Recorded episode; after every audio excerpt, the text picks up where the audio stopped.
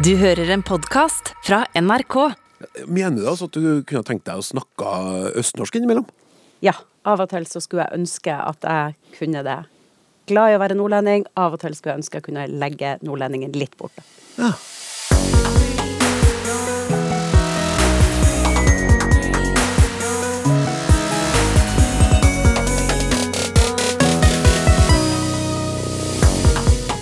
Vet du hva vetting er? Hvorfor driver folk og legger om fra dialekt til østnorsk? Og kan vi ikke bare fjerne ordet 'nemlig' fra jordas overflate? Det er klart for Lytterspørsmål spesial! Språksnakk med Klaus Sonstad. Jeg tror, jeg tror på lytteren. Jeg tror, jeg tror på språkforskeren og sommer... Ja, sannelig min sommerhatt. Vi skuer Julis, Julis varme vink i det ikke så altfor fjerne. Og dermed ønsker vi deg, kjære lytter, velkommen til Språksnakks aller siste lytterspørsmål spesial før ferien forfører oss fullstendig. En strålende opplagt språkforskertrio er på plass i Studio 13. Godt innsmurt med faktor 50, og i sesonggevanter med palmer og ananas på. Rikke van Ommeren, Anne Dahl og Olav Husby, hjertelig velkommen. Tusen takk.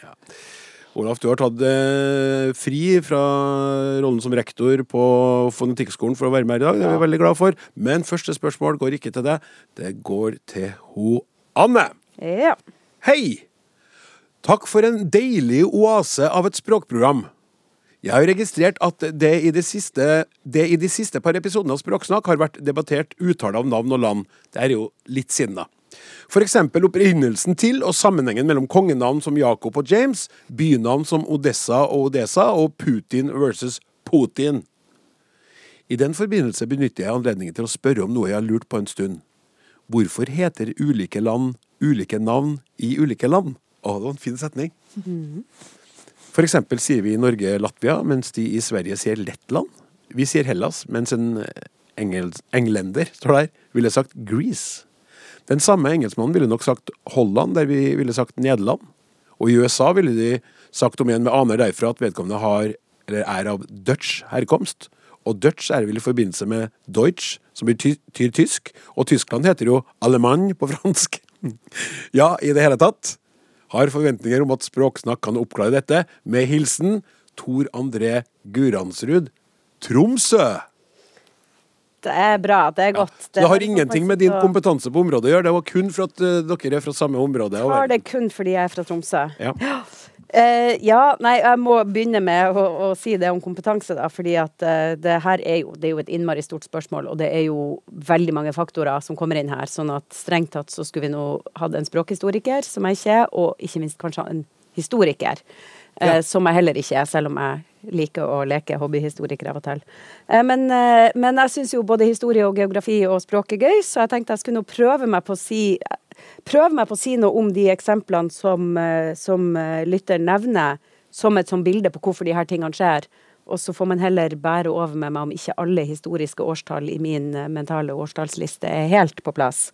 Um, for det, er, det, som, det som jo er, er jo at det her er mye det, det kommer mye av lange linjer, historiske forhold, utvikling av land osv. Så, videre.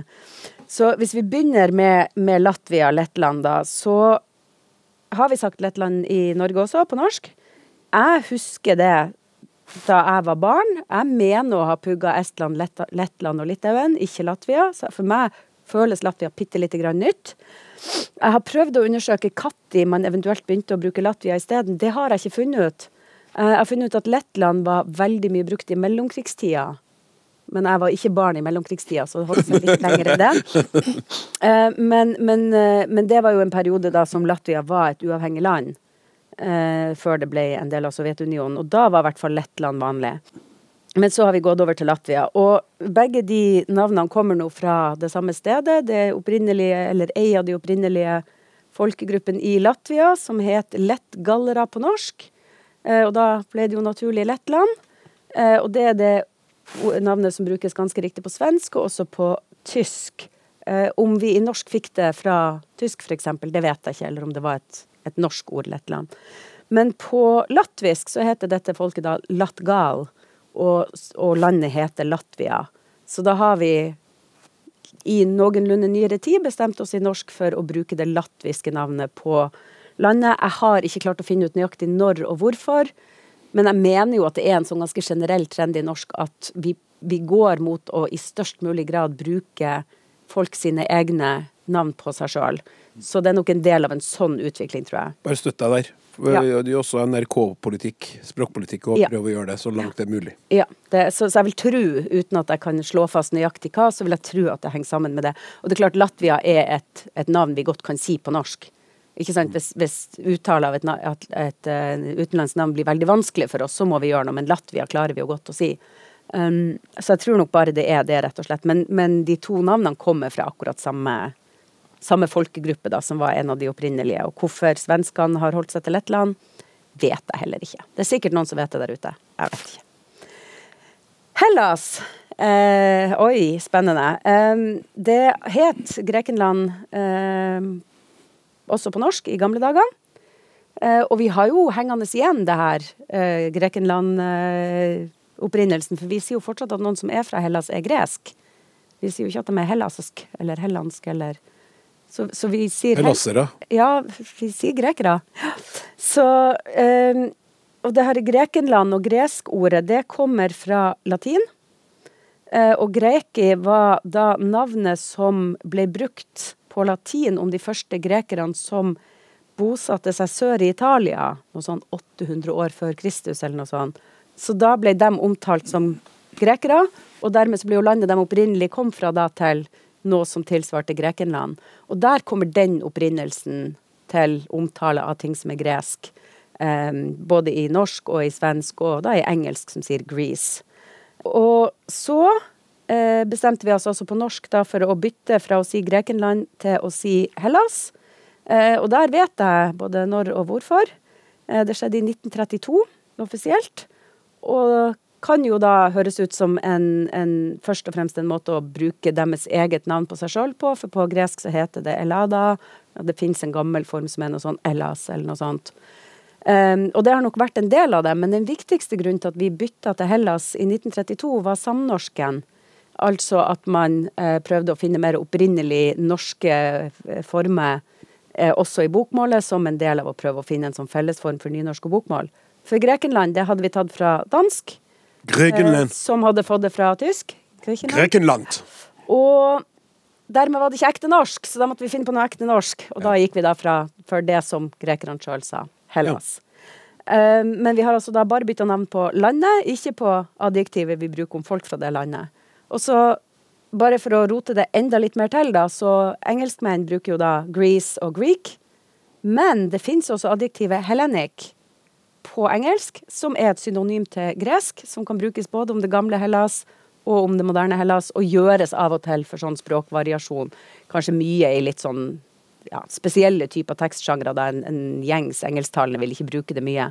Men man kan se det ordet også brukt i, i engelsk, som da er knytta til vår type ord på Hellas. Vi har vel det på norsk også som helensk. Ja, helensk kan nok brukes på norsk også, ja. Men ingen vil jo bruke det vanligvis som noe som er gresk, så det er litt samme Ja da, så der er det to forskjellige steder som, som ord for landet har kommet fra, og så har noen språk valgt det ene og noen det andre, eller de språkene jeg snakker best av, har bestemt seg for å velge en blanding av de to. Eh, det var Hellas. Så har vi Dutch, som altså betyr nederlandsk på engelsk. Eh, og det er, har selvfølgelig sammenheng med Deutsch, det tyske navnet på tysk. Men det er ikke sånn at det kommer fra Deutsch, og at eh, de engelsktalende har rota det sammen og misforstått det, eller noe sånt. Eh, de opprinnelige germanske stammene i hele det området nord i Europa brukte opprinnelig et ord som jeg tror var noe sånt som teudo om seg sjøl, eh, som betyr noe sånt som folk. Så det var sånn man omtalte sine egne folk på den tida. Altså, på, på de forskjellige protogermanske, tidlige germanske språkene som fantes. Og så utvikla det seg da litt forskjellig. Eh, har til i dag blitt da til Deutsch for en tysker. Fantes former som f.eks. dietz i de nåværende nederlandske områdene en periode. Eh, og det gjaldt da annet i det som man kaller Nederland sin gullalder, sånn 1600-tallet, når eh, Nederland var en stormakt og en sjøfartsnasjon. Og da var det jo det, den typen, altså de folkegruppene, det området som de engelsk, altså, engelske sjøfarere var mest i kontakt med. Og dermed var det den formen av det her gamle ordet som på en måte ble kjent i engelsk.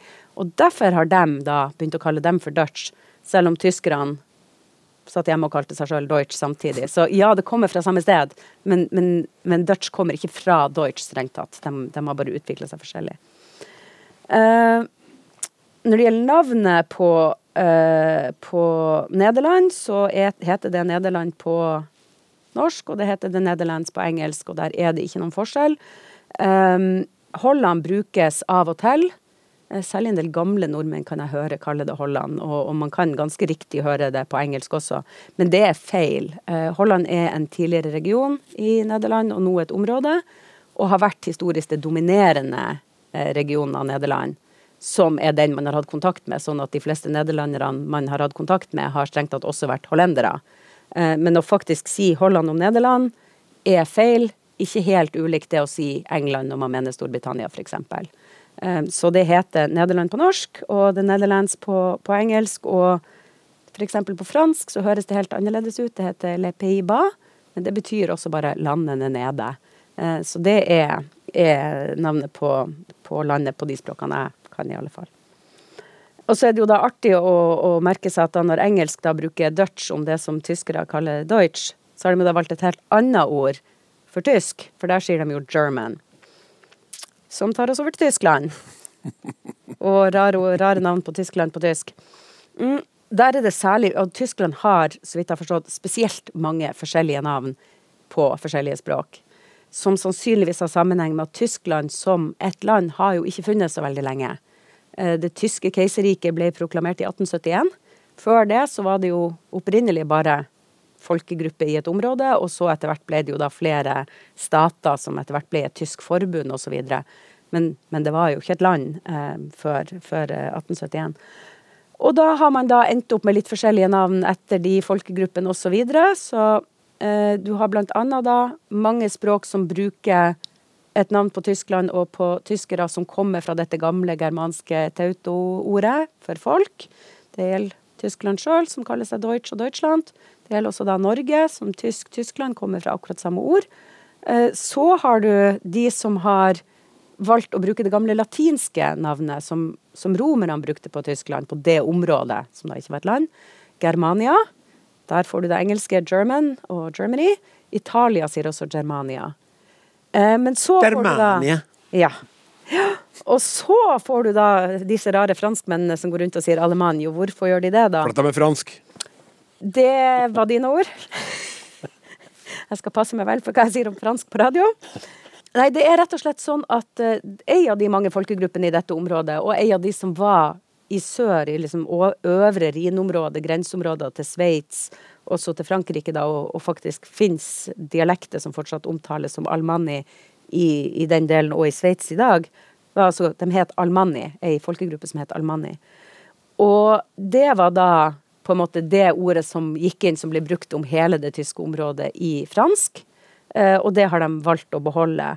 Men det var ikke sånn at det var bare franskmenn historisk sett som brukte det ordet om det hele. Eh, det bruktes også i engelsk ganske lenge. Sånn at eh, blant annet hos Shakespeare i Otello, et av mine favorittskuespill, så sier da karakteren Jago i samme replikk så bruker han både Germany og Alman om samme område. Så da er man i en sånn brytningstid der begge deler kan brukes til å referere til det der området der, som enda ikke var blitt Tyskland. Men så har da På engelsk har de bestemt seg for å gå for det latinske Germany, mens eh, fransk og spansk også har holdt på det her Alman-connection. Eh, um, så det som er litt sånn Oppsummeringa her er jo at det er jo ikke sånn at land er noe sånn gudegitt ting som plutselig oppsto, og så skulle man finne på et navn til dem. Det er en masse historiske, politiske forhold, perspektiver. Um, har, altså, har et, et, gitt språk hatt mye kontakt med dette landet, så har de kanskje sitt eget navn på landet. Har de ikke historisk hatt så mye kontakt, så har de kanskje henta navn på landet fra et annet språk. Uh, så har vi det her med at vi kanskje prøver nå å gå mot å bruke folk sine egne navn på seg sjøl, mm. osv. Og, så og da får du det her litt sånn lett kaotiske, og så legger vi jo da til at som, eh, som innledningsvis han nevnte, det her med, med lyder og Putin og Odessa og sånn. Kanskje er noe lydsystem, stavesystem, til og med alfabet forskjellig i de landene i forhold til de forskjellige språkene, og så skal det tilpasses i tillegg. Og da, da kan det fort bli rett og slett litt sånn småkaotisk. Ja. Tore André i Tromsø kan notere seg for et veldig godt og grundig svar, og med det så er lytterspørsmål spesial eh, for juni definitivt åpna.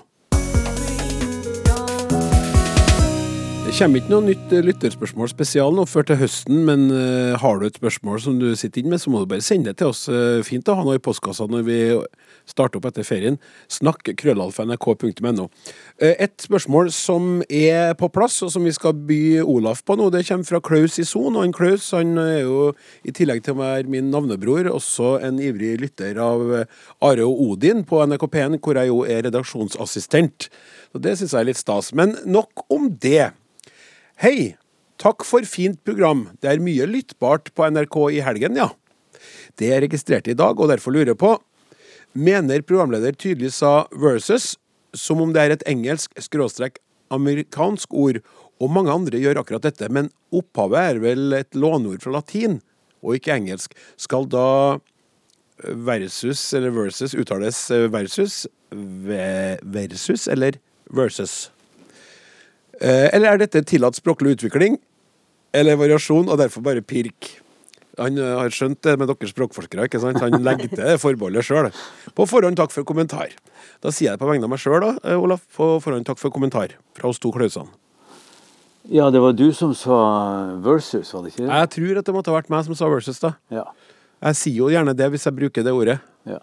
Men det er jo ikke noe spe spesielt i seg sjøl. Altså, du har bare tatt inn en engelsk uttale av et ord som er ganske mye brukt. ikke sant? Og vi har jo andre engelske ord som, som beholder engelsk form. Vi snakker om tape. Er det noen som sier limbånd lenger? Nei. vi snakker om camping, vi snakker om et band. ikke sant? Så at du sier versus er ikke, ikke så spesielt. Men det som er kanskje litt uh, knytta til ordet her, er at det fantes kanskje en, en norsk uttale av det før du sa versus, altså versus. Så at det er et ord som har allerede har fått en norsk form. og I stedet for å gå på den norske formen, så, eller norske uttalen av det, så, så valgte du den engelske. Ja. Ja. Men, men det er fordi at jeg da er påvirka fra engelsk, ikke sant? Og ikke fra versus. Det føler meg, opplever seg som, opplever som fremmed i min munn. Ja, nei, jeg vil si versus. Mm. Jeg bruker jo det ordet, men det kan jo rett og slett hende at det er et ord du ikke føler at du har i din norsk. Det kan jo skje, og da er det jo ikke rart om du gikk og henta det på engelsk isteden. Nei. For at hvis jeg sier sånn versus, eh, versus, versus, så vinner jo versus over versus. Mm. Så et, et litt uh, interessant lydlig trekk med det ordet der, det er jo at på, jeg, jeg går ut ifra på latin at man kanskje sa versus, siden det skrives med e.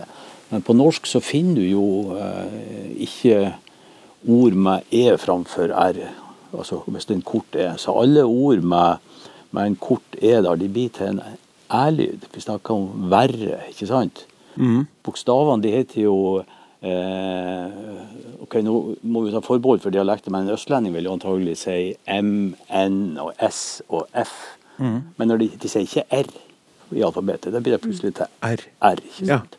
Så det er et, et, et, et, fenomen som er beskrevet i ei artig bok, da, som jeg vil hvis lytterne har lyst til å lese kun om lyden R, så vil jeg anbefale en Arne Torps bok som heter R. Ei urokråke i språket. En helt fantastisk fortelling om kun R-lyden. Altså, det er jo ei bok på opptil flere sider. Det er jo skikkelig bok. Er det om bokstaven R? Ja, det er om, om, om og lyden R. Så den er på 100 og med litteratur 170 sider. Folkelig, hyggelig, fullt av anekdoter og Ja, det vil jeg anbefale. Ja. Skal jeg gi en R for riktig nå på det svaret, da? Ja. Eller R for Rikke, for nå går vi over til deg, Rikke van Ommeren, mm -hmm. som sitter og smiler i sommerklærne og gleder seg til å bli spurt om følgende spørsmål fra Thomas Brekke. Hei, Språksnakk. Det finnes mange unødvendige fyllord i norsk språk, og som jeg mener ikke styrker meningsinnholdet i tekster. Noen ord er mer irriterende enn andre. Et av disse er ordet nemlig. Min oppfatning er at ordet nemlig brukes oftere i aviser og nyheter enn tidligere. Det brukes til å understreke fakta eller påstander. Det blir noe påklistret og påtrengende å bruke dette ordet for å understreke fakta, syns jeg. Som et eksempel publisert NRK, av NRK den 6. april i en artikkel om det nye James Webb-romteleskopet. I teksten, og det her er jo et skriftlig eksempel, ikke sant? det er litt viktig, for da har jeg skjønt at vi snakka litt om det i Lytterspørsmål spesial i mai. Der, vi har gjort det før å skille mellom muntlig og skriftlig språk. Så skriver en, I teksten skriver de For kort tid siden mottok de nemlig teleskopets første høyoppløselige bilde, og eksperter verden over er fra seg av begeistring. Jeg lurer derfor på hvorfor jeg lurer derfor hvorfor brukes ordet, hva er korrekt bruk av ordet, og hvor kommer ordet fra? Rett og slett, trenger vi dette irriterende ordet? Kan det ikke, kan det ikke bare jevnes fra jordens overflate? Finnes det en kåring eller liste av de mest irriterende ord i norsk språk? Tusen takk for oppklaringa av et av språkets mest irriterende ord. Skriv nemlig Thomas Brekke. Ja. Ja, Det er jo herlig med sånne kraftsalver. Det er jo det vi lever litt av og for her i Språksnakk, og dere som er språkforskere. Det er den her evnen mennesket har til å irritere seg. Samtidig så syns jeg Thomas har et poeng. Jeg er spent på hva du tenker, Rikke. Ja, ja språkforskere har også evnen til å hisse opp og, og irritere seg, altså. Men eh, så må en jo komme til ro og se, litt på hvordan ting forholder seg, hvis en ser på det litt, eh, litt mer sånn saklig, da. Og når det gjelder nemlig, da, så er det et adverb som har kommet inn i det norske språket fra lavtysk, og det har ei opphavlig betydning nå i retning av nevnt ved navn.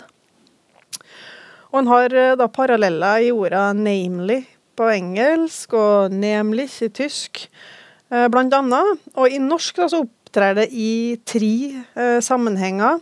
Eh, det kan innlede et utfyllende tillegg til setningsledd i foregående setninger eller ytringer.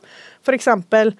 Um, lytteren tok opp et interessant spørsmål, nemlig hva skal med ordet 'nemlig'? Eller nå må vi ta for oss det viktigste, nemlig hvordan vi bruker ordet 'nemlig'. Og her kunne han da erstatta 'nemlig' med 'nærmere bestemt' eller 'det vil si'. Uh, og en annen bruk av ordet at det kan uttrykke en form for begrunnelse for ei setning som går forut for setninga som nemlig opptrer i. Enten som trykkelig setningsadverbial inni setninga, eller plassert etter setninga for å gi den ekstra vekt. Og da blir det, sånn som i de eksemplene her, jeg oppfatta ikke den beskjeden Jeg hører nemlig ikke så godt. Eh, jeg oppfatta ikke den beskjeden Jeg hører ikke så godt, nemlig. Uh, og så er det da en tredje bruk av nemlig. Det er når det står for seg sjøl uh, som en egen ytring. Og, og, i sånne tilfeller så bekrefter eller understreker det noe som nettopp er uttrykt. Enten av taleren sjøl eller av noen annen. Så jeg kan si uh, det er jeg som er sterkest av oss. Nemlig. Kan jeg si for å på en måte understreke det jeg akkurat sa. Eh, eller så kan jeg si det var jeg som gjorde det, og så kan du bekrefte. Nemlig. Eh, I stedet for ja, å bekrefte på annet vis, da.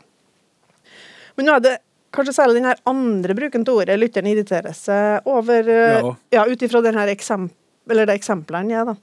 Og det er da når det opptrer mer eller mindre trykkelig inni ei setning, eh, og det oppleves som unødvendig og påklistra. Og da kan du også se nærmere på den funksjonen som det faktisk har i eksemplene viser til. Og Han viser altså til at eh, for kort tid siden mottok de nemlig teleskopets første høyoppløselige bilde, og eksperter verden over er fra seg av begeistring. Men for å se hva ordet nemlig gjør i akkurat den sammenhengen, så må vi se til de setningene som går forut for det i den aktuelle nyhetssaken. Og da kan vi låse Romteleskopet James Webb ble skutt opp 25.12. i fjor. Etter drøye to måneder i verdensrommet kan NASA melde at alt står bra til. For kort tid siden mottok de nemlig teleskopets første høyoppløselige bilde, bla, bla, bla. bla, bla. Og setninga med nemlig markerer da her at det som presenteres, er en begrunnelse for påstanden om at NASA melder at alt står bra til. Så de melder det fordi de nå har fått sett de her første høyoppløselige bildene fra teleskopet. Ja, det er sånn, Hvordan kan dere nå si at uh, teleskopet fungerer? Nei, det skyldes, at, det skyldes nemlig at vi har fått Eller at du setter inn det. Jørn har nemlig fått et bilde. Nettopp. Det er en slags sånn bevisførsel som foregår her. Ja, det blir blir mye mer mening når den setningen før er med. Så unnskyld for det, Thomas, men sånn er det. det Rikke har eh, vært detektiv og funnet mer bevismateriale for at nemlig ikke var så dumt å bruke det likevel, nemlig. Ja, altså, ja, og så er det jo fullt mulig å droppe det, da. Uten at det endrer liksom, saksforholdene i ytringene betydelig. Men det er jo ikke overflødig, det er ikke meningstomt, eh, på en måte. Det, er, eh, det bidrar til fortolkninga vår eh, gjennom å knytte setninger med nemlig til det som allerede er liksom presentert. Og sånn så bidrar det jo med med eh, å gi oss hint om vår tolkning, men også skape sammenheng i tekster. Og det er jo ganske vesentlig. Um, så det er egentlig da svaret på hvorfor det brukes. Og det er òg egentlig da svaret på det en spør om hvordan du bruker det korrekt. Du bruker det korrekt når det, du skjønner hvordan det kobler tilbake til å begrunne eller understreke eller bekrefte noe som allerede er sagt. Men så vil vi oppleve det som uakseptabelt da, hvis det nemlig ikke står i noe logisk forhold til noe som er uttrykt. Så, men så kan han jo selvsagt oppleve ord som nemlig som trøttende element i språket, hvis det går at fryktelig ofte og at det er lite variasjon i måten en skaper sammenheng og kobler tilbake til tidligere informasjoner på. Eh, Men det er jo ikke et problem med ordet nemlig i seg sjøl. Det er jo eh, noe som gjelder ja, variasjon i, i tekst. Jeg vet ikke om eh, det finnes noen liste over irriterende ord, men jeg mistenker at innboksen til Språksnakkredaksjonen eh, etter hvert kan være et ganske bra korpus av tekster da, for å utforske hva som irriterer folk mest. Ja, Det tror jeg. det tror jeg òg. Vi byr gjerne på. Så bare si fra hvis dere trenger materiale. Ja. Og alle som ønsker det, vil jo bli da anonymisert eh, altså av lyttere. Vi skal være brukt i tekstkorpuset. Uh, var det riktig bruk av korpuset? Ja. Jeg møtte jo det i fjor, og har siden aldri glemt det. Tusen takk. Eh, jeg takker deg for at jeg syns nemlig det var en fin utgreiing du kom med. Nemlig. Ja, Vi fortsetter her i Lytterspørsmål spesial med et uh, uh, spørsmål som jeg må si jeg gleder meg til svaret på. Fordi jeg er litt usikker på det her ordet sjøl. Hei, språksnakkere. Kan dere snakke litt om ordet vetting? Jeg hadde aldri hørt, hørt det før jeg leste VG i dag. Er sitatet. For en ny statsråd for oppgaven blir man spurt om alt fra personlig økonomi til metoo, såkalt vetting. Fant ikke ordet i ordboka. Hvor kommer det fra? Er det i slekt med noen andre norske ord? Vennlig hilsen Ingunn. Da jeg skrev ut manus her i dag, så fikk jeg sånn rød strek under vetting eh, av Word. da. Det trenger jo ikke å bety at ordet ikke eksisterer i det norske språket i det hele tatt, men jeg syns det var litt artig, da. Eh, har du noe vettugt å si om vetting, Anne? Ja, det har jeg. Eh, jeg kan ikke nødvendigvis svare på hvor mye brukt det har vært tidligere i det norske språk. Jeg klarte ikke å finne noe spesielle tegn på at det har vært i noe utstrakt, bruk tidligere. Jeg la merke til det i akkurat samme VG-sak, og det var første gang jeg kan huske å ha sett det brukt i norsk. Eh, jeg er kjempekjent med ordet fra før, eh, fordi at det er helt vanlig på engelsk. Så det her er et lånord fra engelsk. Jeg tipper et forholdsvis nytt et. Eh, men det brukes, har vært brukt siden tidlig 1900-tall i samme betydning på engelsk. Altså det her om å foreta en grundig bakgrunnssjekk av en kandidat, særlig da til et politisk verv. Og så, så er det et ord jeg er vant med på engelsk. Uttrykket eh, er for så vidt eh, beslekta med et annet ord på norsk, fordi at på engelsk så kommer det fra veterinarian, altså veterinær, som vi nå har på norsk òg. Så det er en forkortelse for det. Og ordet kommer fra veddeløp. Eh, fordi at når veddeløpshestene skulle da delta i løp, så måtte jo eh, veterinæren, dyrlegen, sjekke dem først for skader og skavanker og problemer som kunne oppstå. Og når, var, når hesten da var vetta, altså sjekka veterinær, så var han klar for løpet. Og det er jo på en måte nøyaktig det samme du gjør i da en vettingprosess med en politisk kandidat. Du tar altså går gjennom historier for skader og skavanker og saker og ting som kan komme til å ødelegge løpet for dem. Ja. Eh, før, du, før du innstiller dem til et verv eller, eller den type ting. Da. Og, og som sagt, det her er veldig vanlig brukt. Jeg har en lei tendens til å se altfor mye på CNN og, og høre ordet absolutt hele tida der. Og, og som sagt så, så innbiller jeg meg at det er nok sannsynligvis ganske, et ganske nytt lån i norsk. Vi har vel brukt oss å heller bruke sånne uttrykk som f.eks. å foreta en bakgrunnssjekk. For meg så føles vetting litt grundigere. Det, når du foretar en bakgrunnssjekk, så tar du nå en sånn kjapp sjekk. Vetting føles litt mer som å grave litt mer i historia til folk. Så med tanke på, på saken der det her ordet dukka opp, så har vel ting tyda på at vi kanskje ikke har hatt sånn tradisjon for å foreta så veldig eh, grundige bakgrunnssjekker på, på f.eks. statsråder fra før. Særlig med henblikk på sånne ting som metoo og sånt. Så kanskje da man har følt et behov for å bruke Altså, prosessen har endra seg litt i det norske systemet. Man er blitt grundigere, man skal nå være grundigere. Man skal kanskje mer gå over til en så grundig sjekk som, som man kanskje gjerne gjør i USA, da, og da har man følt behov for å låne det her ordet vetting. Så kanskje Her, det her synes jeg er spennende, Anne. For Ja. nå, nå, nå er vi nesten sånn i, i sanntid på å Mm. spore et ord. For vi har jo snakka masse om forskjellige ord, og vi nevnte jo i sist lytterspørsmål spesial noe som har dukka opp i 2009 og sånn. Ja, ja. Her er vi Du sier at du nesten ikke Du har ikke sett en Nei, annen plass. Du det, la så- merke til samme artikkelen. Ja. Så da er vi Fordi du har nok et godt poeng med at de her undersøkelsene har vært litt mindre grundige før. Det har vært litt mer sånn eh, stor, hva heter det, stormaska. Det er litt mer Mm. finmaska nå. Og da er det lansert. Og da, hva tenker du da, hvis du skal bare spå helt ut Tror du det kommer til å bli et ord, som blir brukt? Ja, heldigvis så er jeg jo ikke i spåbransjen sånn til daglig, men, men jeg, jeg gjetter, og som sagt, det kan jo hende at noen kan fortelle meg at nei, det her var jo brukt på 40-tallet, det er jo stadig vekk så dukker det opp sånne. Jeg tror ikke det, jeg tror det er nytt, og jeg ville spå at vi kanskje kommer til å føle behov for et sånt ord. Og vettet funker nå egentlig godt på norsk, sånn fonologisk og sånn, så det kan vi godt ta. Så hvis jeg skal komme med en spådom, så ja, kanskje vi bare tar det ordet, Ja. eh, og begynner å bruke det. Og nå lager jeg jo et verb av det. Ja, ja.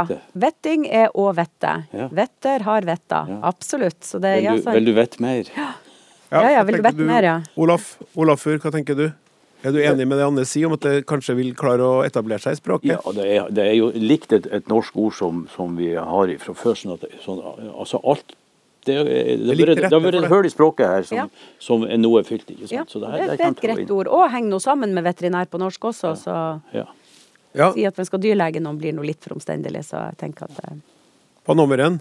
Nei, jeg så litt på, på i det her NB-gram med, med bruken av det begrepet, og ser at det er bruka i noe litteratur tidligere, men gjerne i hermetegn. Ja. Noe som jo på en måte markerer at det her er, noe som Og det er jo- står utafor dagligtale, og som vi bruker som et begrep, og så blir det gjerne Og det er jo det det er Ja. gjort i denne saken også. Sant? De setter ut med såkalt vetting. De har Mm. bare sagt at de tok en vetting.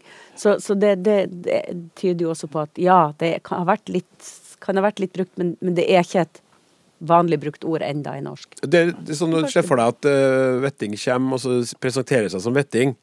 Og så sier folk litt sånn Jeg vet ikke helt Ja, jeg ble kalt såkalt vetting før. Ah, det er du! du som- for det har blitt Det har liksom blitt vetting. Yep. Det, er, det, er, det er spennende. Jeg skal følge med. Ja.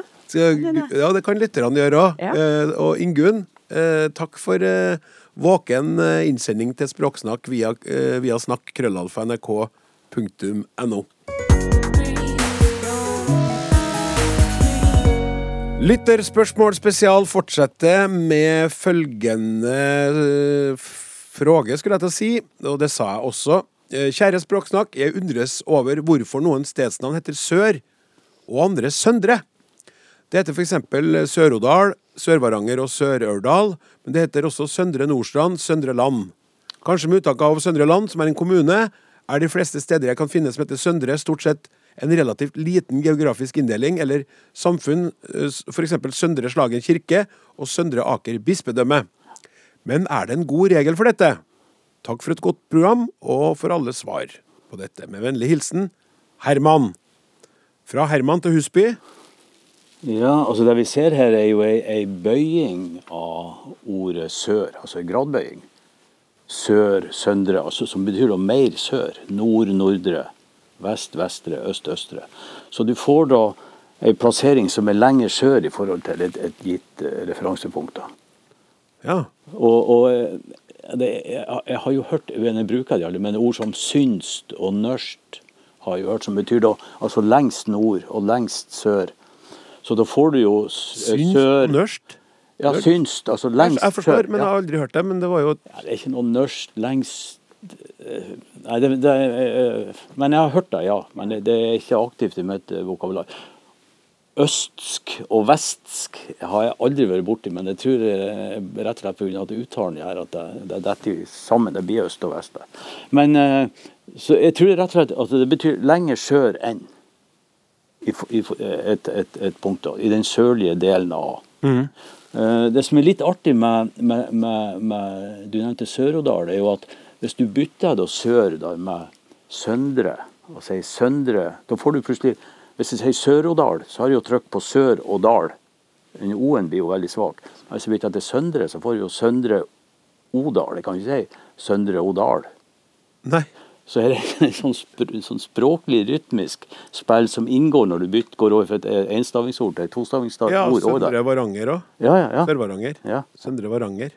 Så det, det er, og det er sånne små eh, mekanismer som ligger inne i språket som prøver å regulere at rytmen skal på en måte bli optimal. Så det er ikke nødvendigvis den geografiske forskjellen som eh, Herman eh, antyder, at den Søndre mm, stort sett er knytta til liten geografisk inndeling Ja, altså-. Ja, det kan være, altså, Du har Odal, og så har du den, i den søndre delen av Odal. ikke sant? Så det blir mer sør i Odal. Okay. Og Så kan du da velge å, å bare bruke, siden det er sør, bare velge å bruke begrepet sør for å betegne at du sier Sør-Odal. Mhm.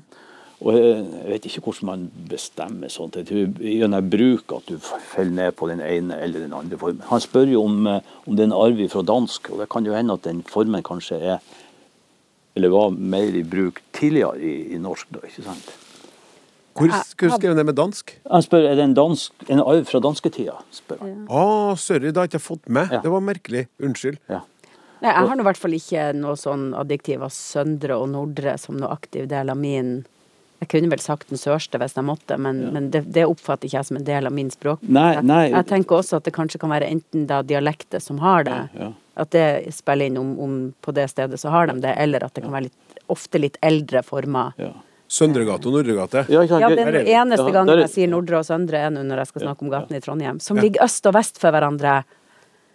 Ja ja, men vi må nå få gjøre ting litt på vår egen måte her òg, da. Skal være sikkert.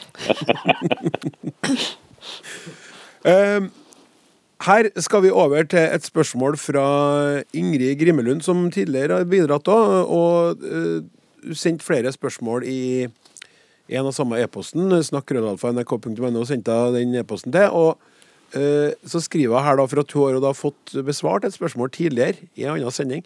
Jeg har også en helt annen sak det hadde vært interessant å ta opp, nemlig bevisst omlegging av dialekt. Noen legger tilsynelatende om dialekten helt bevisst, som komikerne Lisa Tønne, Morten Hegseth og Kevin eh, Vågenes. Det kunne vært interessant å vite hvorfor akkurat disse har lagt om. Er det finere å snakke østlandsk, eller er det lettere å gjøre seg forstått? Nå har vi da ikke invitert Lisa Tønne, Morten Hegseth og Kevin Vågenes i studio, men vi har invitert eh, Anne, Rikke og Olaf. Bli med det forbeholdet. Sett over til deg, Rikke. Ja, når vi skal forstå enkeltindivid eh, sine språkvalg, altså det de velger å gjøre med språket sitt, så må han jo da egentlig snakke med de her enkeltindividene. Det er han egentlig avhengig av. For det kan være veldig mange og ulike og mer eller mindre bevisste avveininger som eh, ligger bak hvordan han velger å uttrykke seg. Og den enkeltes liv og valg er jo grunnleggende unikt. Det er jo bare sånn det. Men nå har vi jo et intervju av de her folka, som du sa, og så har oss jo noen innsikter fra forskning på språkvalg da, som kan gi oss litt mer sånn, ja, prinsipielle innsikter om hva det er som typisk spiller inn når folk øh, gjør sånne språkvalg.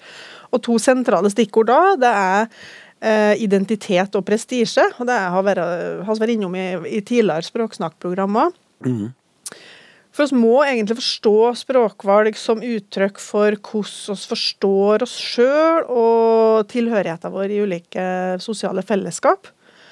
Og litt forenkla så tenker vi oss um, at vi vil tilnærme oss uh, med språket de menneskene som vi identifiserer oss med.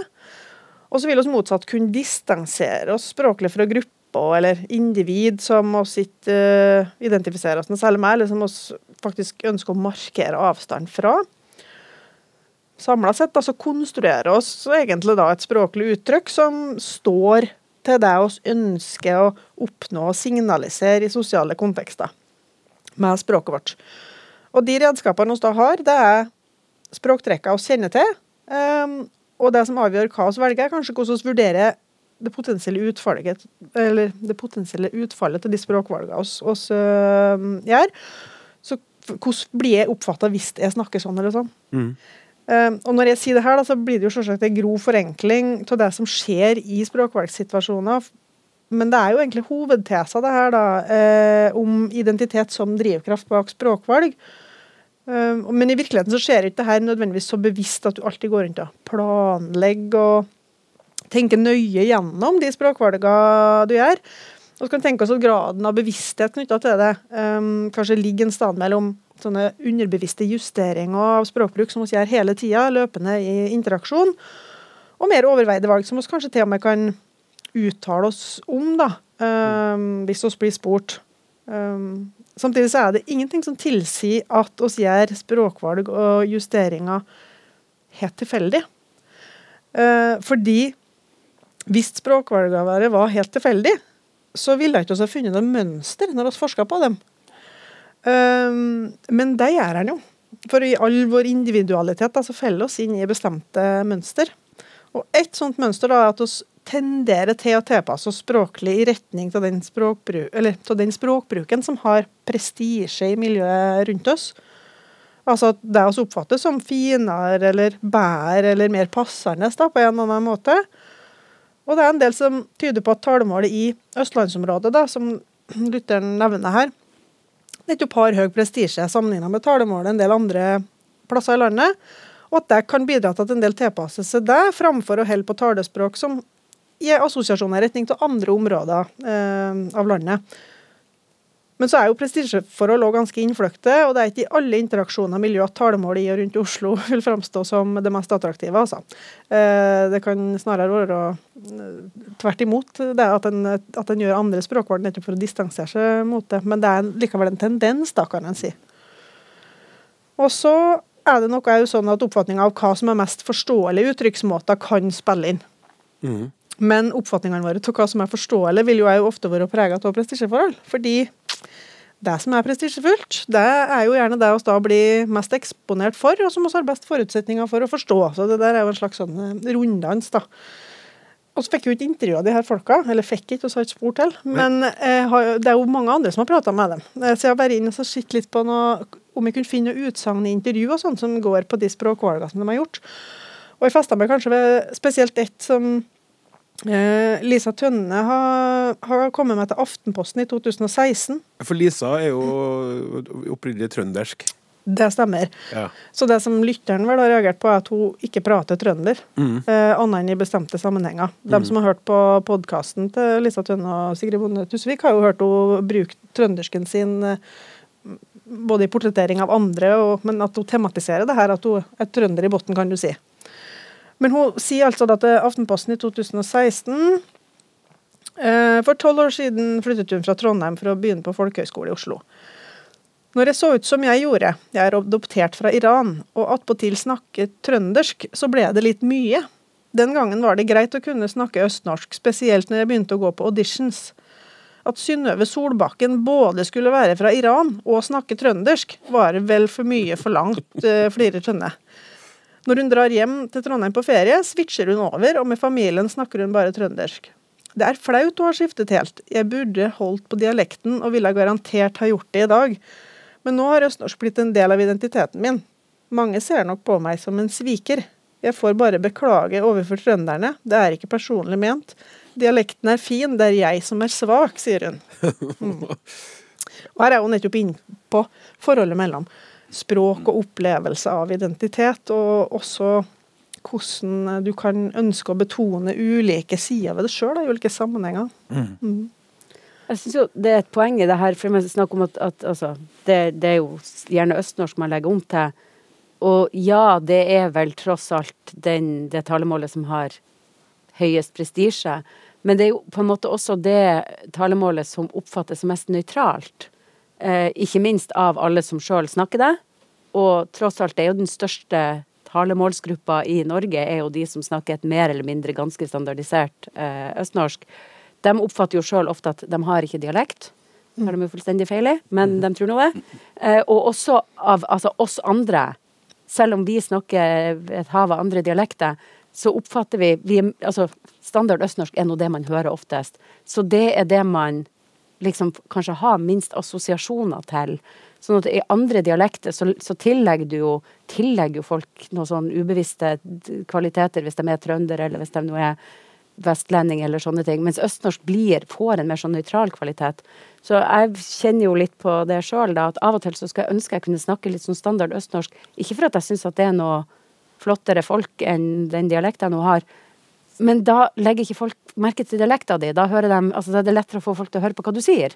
Ja. Um, fordi at sant, Hvis jeg snakker, så tenker de det er nordlending som sier det, og hvis du snakker, Klaus, så tenker de det er en trønder som sier det. Hvis det er noen med et standard østnorsk, så er det fortere at folk bare tenker det er en person som sier det. Uh, så så det, det stemmer jo litt med det hun Lisa Tønne sier, da, at liksom det oppfattes som mer å ha i dialekt. Det er jo selvfølgelig helt gærent, men jeg tror det stemmer. Eh, Jeg har en sånn kjepphest jeg irriterer meg ofte over eh, Lørdagsrådet på P3. For der er det ganske ofte at det kan sitte sånn tre østlendinger, og så er det en med dialekt, og så sier de sånn 'Alle rådene du kommer med, er så koselig, for du sier dem på dialekt'. Ja. Og men vi som snakker dialekt, har jo ikke noe lyst til at alt vi sier er koselig. Vi har jo lyst til at eh, vi sier nå det vi sier, og mener at budskapet skal komme frem.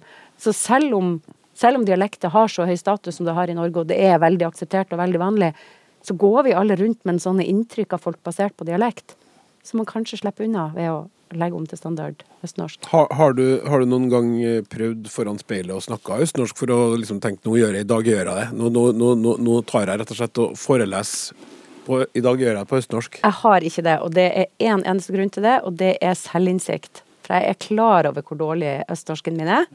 Eh, hadde, Og vil det si at du hadde fått det til mer, så kanskje du hadde gjort det? Ja, jeg hadde gjort det. Tvert. Oi. Uh, ja. Eh, ikke til daglig. Eh, ikke som en sånn Jeg hadde ikke lagt om og blitt eh, lekt østlending til daglig. Men hvis jeg hadde snakka pent østnorsk, eller en standardisert østnorsk, og klart det, så hadde jeg i enkelte sammenhenger gjort det. Hvis det at jeg tilfeldigvis kommer nordfra var helt uviktig, og jeg var redd for at den jeg skulle snakke med, kom til å bli så opptatt av at jeg var nordlending at de glemte å høre etter hva jeg sa, Ja. da hadde jeg gjort tvert. Ja, men, men det du sier nå, altså de tingene du peker på, er jo nettopp at, at um, i forestillingsverdenen vår, da, så har østnorsk helt bestemte Altså det gir en bestemte assosiasjoner, eller det, det mangler andre assosiasjoner som andre varieteter gir. Og det er jo nettopp det her som gjør at mange vil si at, at den, den måten å prate norsk på fungerer som et uoffisielt standardtalemål eh, i en norsk sammenheng. Så fordi vi ikke har en offisielt uttalt standardtalemål her, så vil det der ofte ligge under som en sånn eh, implisitt standard. da. Det er jo en, en, en, en, sektor hvor, hvor det her kanskje ikke østnorsk rent blir brukt, men jeg, husker når jeg begynte å undervise utlendinger i norsk, så skjønner jeg jo veldig fort at å stå på tavla og, og snakke helglending var helt fåfengt. ikke sant? Så da slo jeg om og snakket eh, på denne måten. Og jeg husker det var en sånn ut av kroppen-opplevelse. altså. Jeg, eh, min identitet var en annen plass, altså. Så var det en, en figur som sto der og snakka det her bokmål. Men til slutt så ble jo det en, en, en, en vane. og det var sånn, Når jeg da møtte eh, folk fra Asia eller Afrika, så slo jeg over til det her litt knotete språket. Og mange kunne si ja, men jeg er jo, jeg er jo født her. Jeg, jeg forstår jo hva du sier, du behøver ikke å snakke det der. Den, den type norsk til meg. ikke sant? Men jeg tror jo det er litt forskjell også på folk, eh, for det her med å holde på dialekt og hvor viktig det altså for, for noen er vel dialekten en viktig del av identiteten, som kan ha litt med hvor tett knytta føler man seg til der man kommer fra. Altså, Kanskje har det noe å- å- sammenheng med ikke sant, Har du slekta di der i mange generasjoner tilbake, eller er du nå tilfeldigvis født der og fikk den dialekta? Eh, altså, hvor, hvor opptatt er du av hjemstedet ditt? Hvor ja, tett knytta føler du deg? Jeg vil jo tro at noen regner hjemstedet sitt og dermed også dialekter som en tettere del av, av identiteten sin enn andre gjør. Mm. som også kan spille noe inn for hvor viktig man syns det er å holde på dialekt. Ja, og det, og det er jo litt derfor altså, Lisa Tønne er jo inne på det i det sitatet jeg leste opp, at hun opplever det at hun er en sviker, eller, eller forstår seg sjøl som en sviker. Og også i de andre, de andre to som er nevnt i lytterens spørsmål, er inne på en, sånn svikdimensjon øh, når de omtaler sine egne språkvalg. Kevin Vågenes har sagt til Bergensavisa i 2018 at men jeg er ikke flau over å være bergenser, altså. altså det som man har, gått fra, altså Den dialekten han har gått bort fra bruk. Jeg er ikke en bysviker, det må du få med, ler han. Og så sier Høgseth um, til Adressa i 2019 jeg er litt språkets quisling. Folk synes jeg har blitt så fin i språket. Um, så det her svik...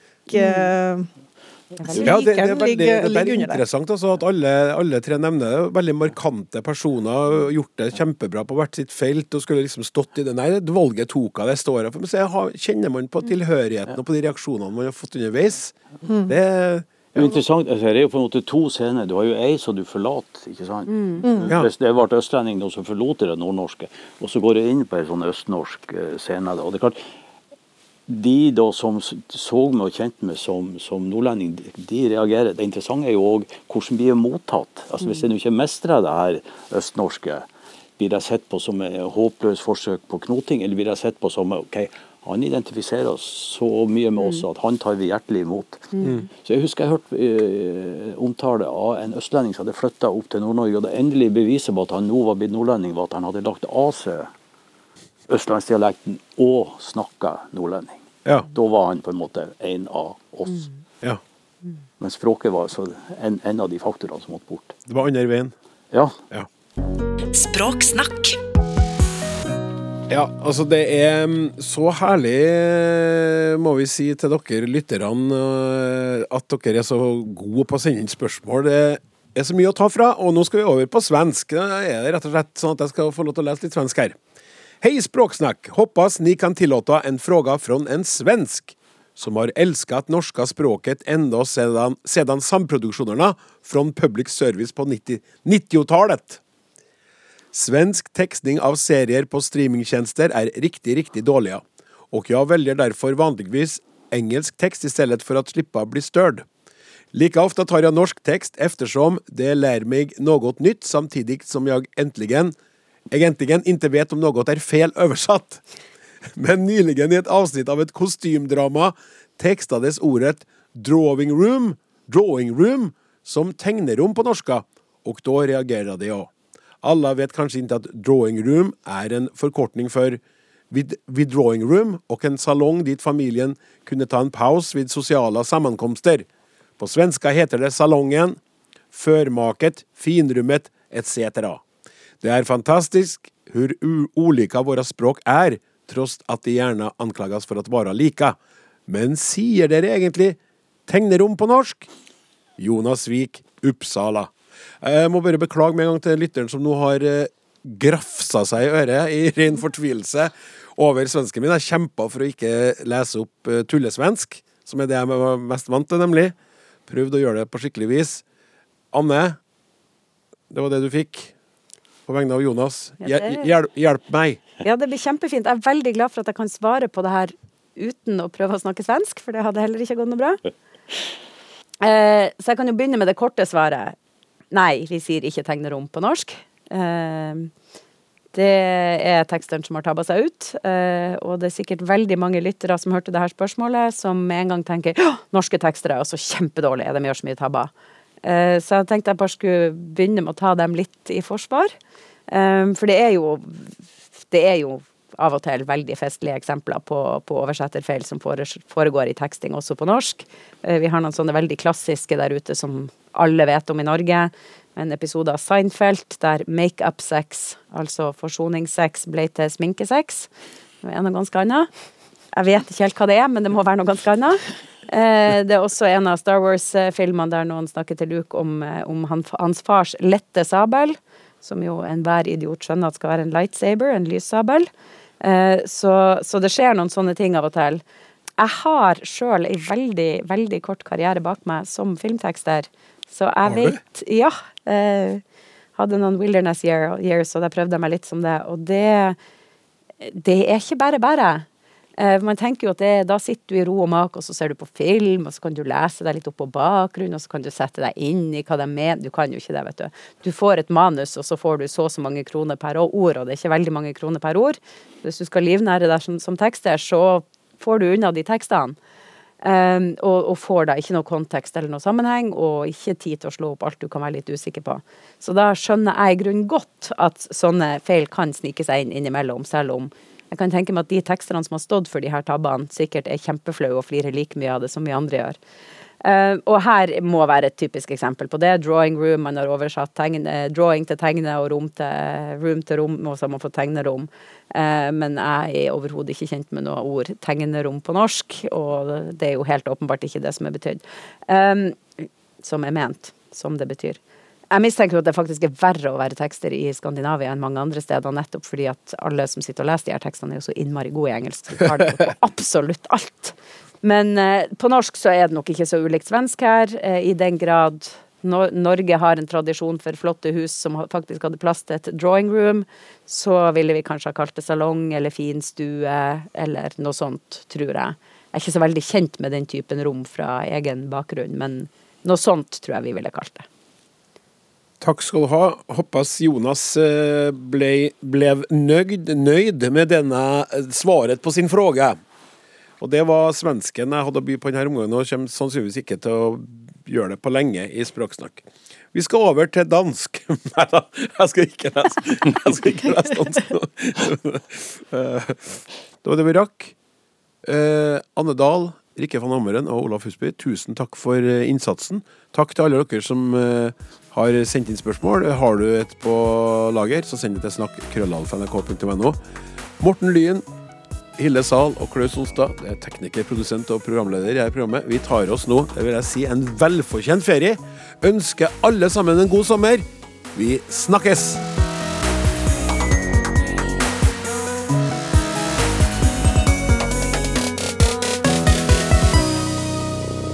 Du har hørt en podkast fra NRK. De nyeste episodene hører du først i appen NRK Radio.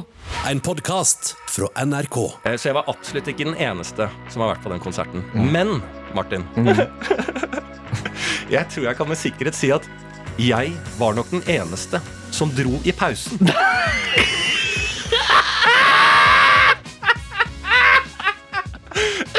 Kødder du? Nei, det må pause! Bærum og Beyer snakker om greier hører du først i appen NRK Radio.